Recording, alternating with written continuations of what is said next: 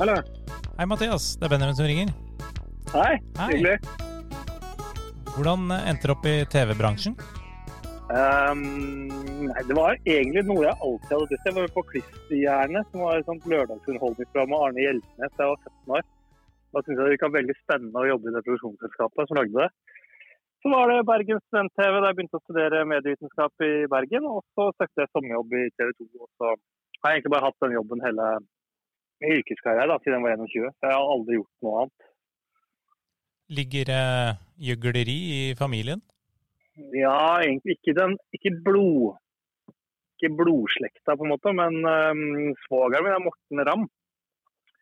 Så det er absolutt en eh, gjøgler. Han har vært sammen med søsteren min siden um, Lillehammer-OL. så De ble sammen da jeg var åtte år, så jeg har vel kanskje fått litt uh, Det har vært mye gjøgleri i familien, men uh, minst er etter han kom inn der. da. Ikke til forkleinelse for eh, Alexander Schou, men Thomas Aune virker som veldig hyggelig og mild type. Hva er det som gjør han til så fin person? Thomas Aune er verdens fineste fyr, ja. Det, det er helt riktig. Jeg vet ikke, han, er, han klarer alltid på en måte å tenke seg om. Sånn, jeg har jobba mange, og det er liksom, i alle liksom, tilløp til konflikter på arbeidsplassen, så er jo på en måte han, han viser oss stoisk ro. Det er ro, rolig uansett. Uansett hvor vi har vært i verden, eller Jeg har aldri sett han. Han blir aldri sint. Og veldig sjelden passiv-aggressiv òg. Så han har helt sånn derre ufattelig evne til å være um, til å være rolig. Så det er vel kanskje det. Og så er han jo ganske klok. Og så um, semiraus, uh, men i hvert fall utrolig, utrolig rolig. Du har en eh, YouTube-kanal hvor du for tolv år siden la ut en video som het Ball i bøtta. Der Ja. eh, kommenterer eh, Jonas IDK, det med at er I don't know, legg ut Kikkelicious-parodien. Kommer den noen gang? Uh, nei, det er sjelden sånn matchballting blir lagt ut på, på YouTube. Jeg, har ikke, på en måte, jeg får ikke legge ut sånne ting eh, selv. Men det var et morsomt innslag. Det husker jeg. Det var fra min ekskone som eh, med skyter på i den der ball i bøtta. Ja. Hva er ifølge deg det morsomste du har laga? Det er den daten med Stine Bredal Oftedal på håndball-VM i 2014. Syns jeg var det gøyeste. Men det er kanskje litt for det ut av forutsetninga at det er veldig vanskelig å lage morsomt innhold fra pressetreff med håndballjentene. For det ja, det det er eh, det er så flau situasjon å være i å skulle på en måte ha et kvarter å lage, og også veldig mange som skal vise folk ulike sånne Se på dette bildet, hva syns du om det? Hva syns du om Det var gøy å bare ta den helt ut. Men også la stage en date med hun, som var liksom den hotteste spilleren i EM. Og så, og så er hun en fantastisk og kul dame, så det ble jo det ble jo veldig morsomt. Liksom. Vet du når du er ute på opptaket at dette her blir nydelig TV når du har filma ferdig? F.eks. han engelskmannen Ja. som elska Die Mannschaft, vet du at det blir kjempebra TV? Ja, men så er man så litt sånn nervøs, ikke sant. For da sånn, fikk man med seg alt. Var det så gøy som Var det så gøy, var det liksom, fikk man med seg det som var gøy på kamera? For ofte så er det jo litt sånn, sånn som den der Manchester-fyren, det er jo litt sånn leveringa òg. Og at man liksom har liksom bilder til å la de se, la han liksom bare sitte og prate og være Noen ganger så tror man man har ting, og så kommer man tilbake og ser man så er det ikke like gøy som, som det var. da. Det er, eh, men eh, en gang så var jeg i Russ, fotball-VM i Russland, og da var en hel dag sammen med en russisk eh, gammel fyr. Og han ville vise oss en eh, bjørn som drakk øl, som sto i et bur.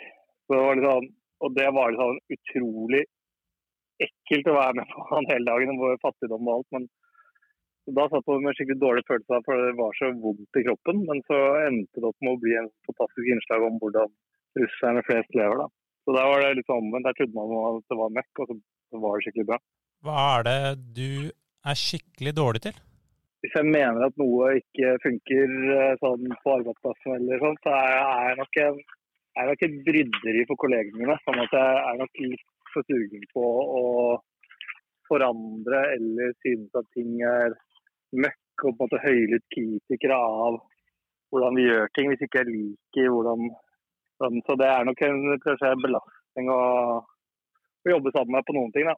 Du har stort sett vært en sånn eh, sidekick, litt sånn bakom-mann. Bor det en main man i deg?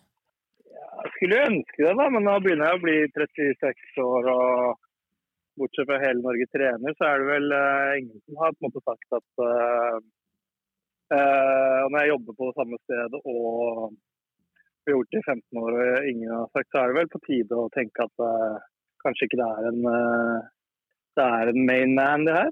Og så er det jo ikke sånn at jeg, at jeg heller Man må kanskje ønske det litt ekstra også. så de som, de som uh, på en måte klarer det, er, det er ikke bare helt sånn tilfeldig. Man må jo være um, ja, Man må jo satse litt. Man havner jo ikke i de stolene helt sånn tilfeldig. Det er ikke sånn at Stian Blipp eller Siri Avlesen eller eller Marius Skjelbæk liksom bare blir uh, skal vi si, At de ydmykt bare blir tilbudt de jobbene. Det er jo en, eh, det er jo en grad av også å sette seg i posisjon til å, til å bli valgt ut. Da. Men uh, det toget er vel litt på vei uh, Blir ikke headhunta, for å si det sånn. Jeg har fått uh, ganske god innsikt i hva som skjer i Equestria, og hvem karakteren i My Little Pony er. Hva er det barna dine har direkte eller indirekte lært deg?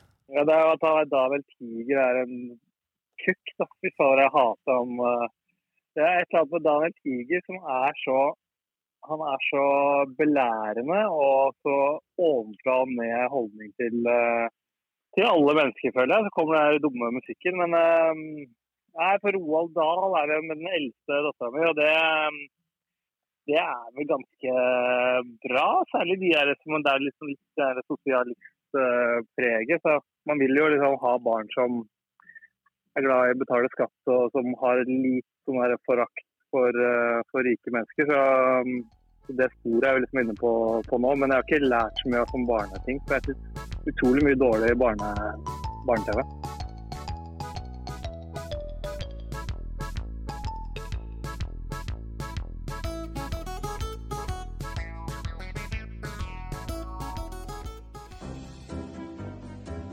Denne meningsutvekslingen ble produsert av Mottaket Media, et lite podkaststudio i hjertet av Lillestrøm.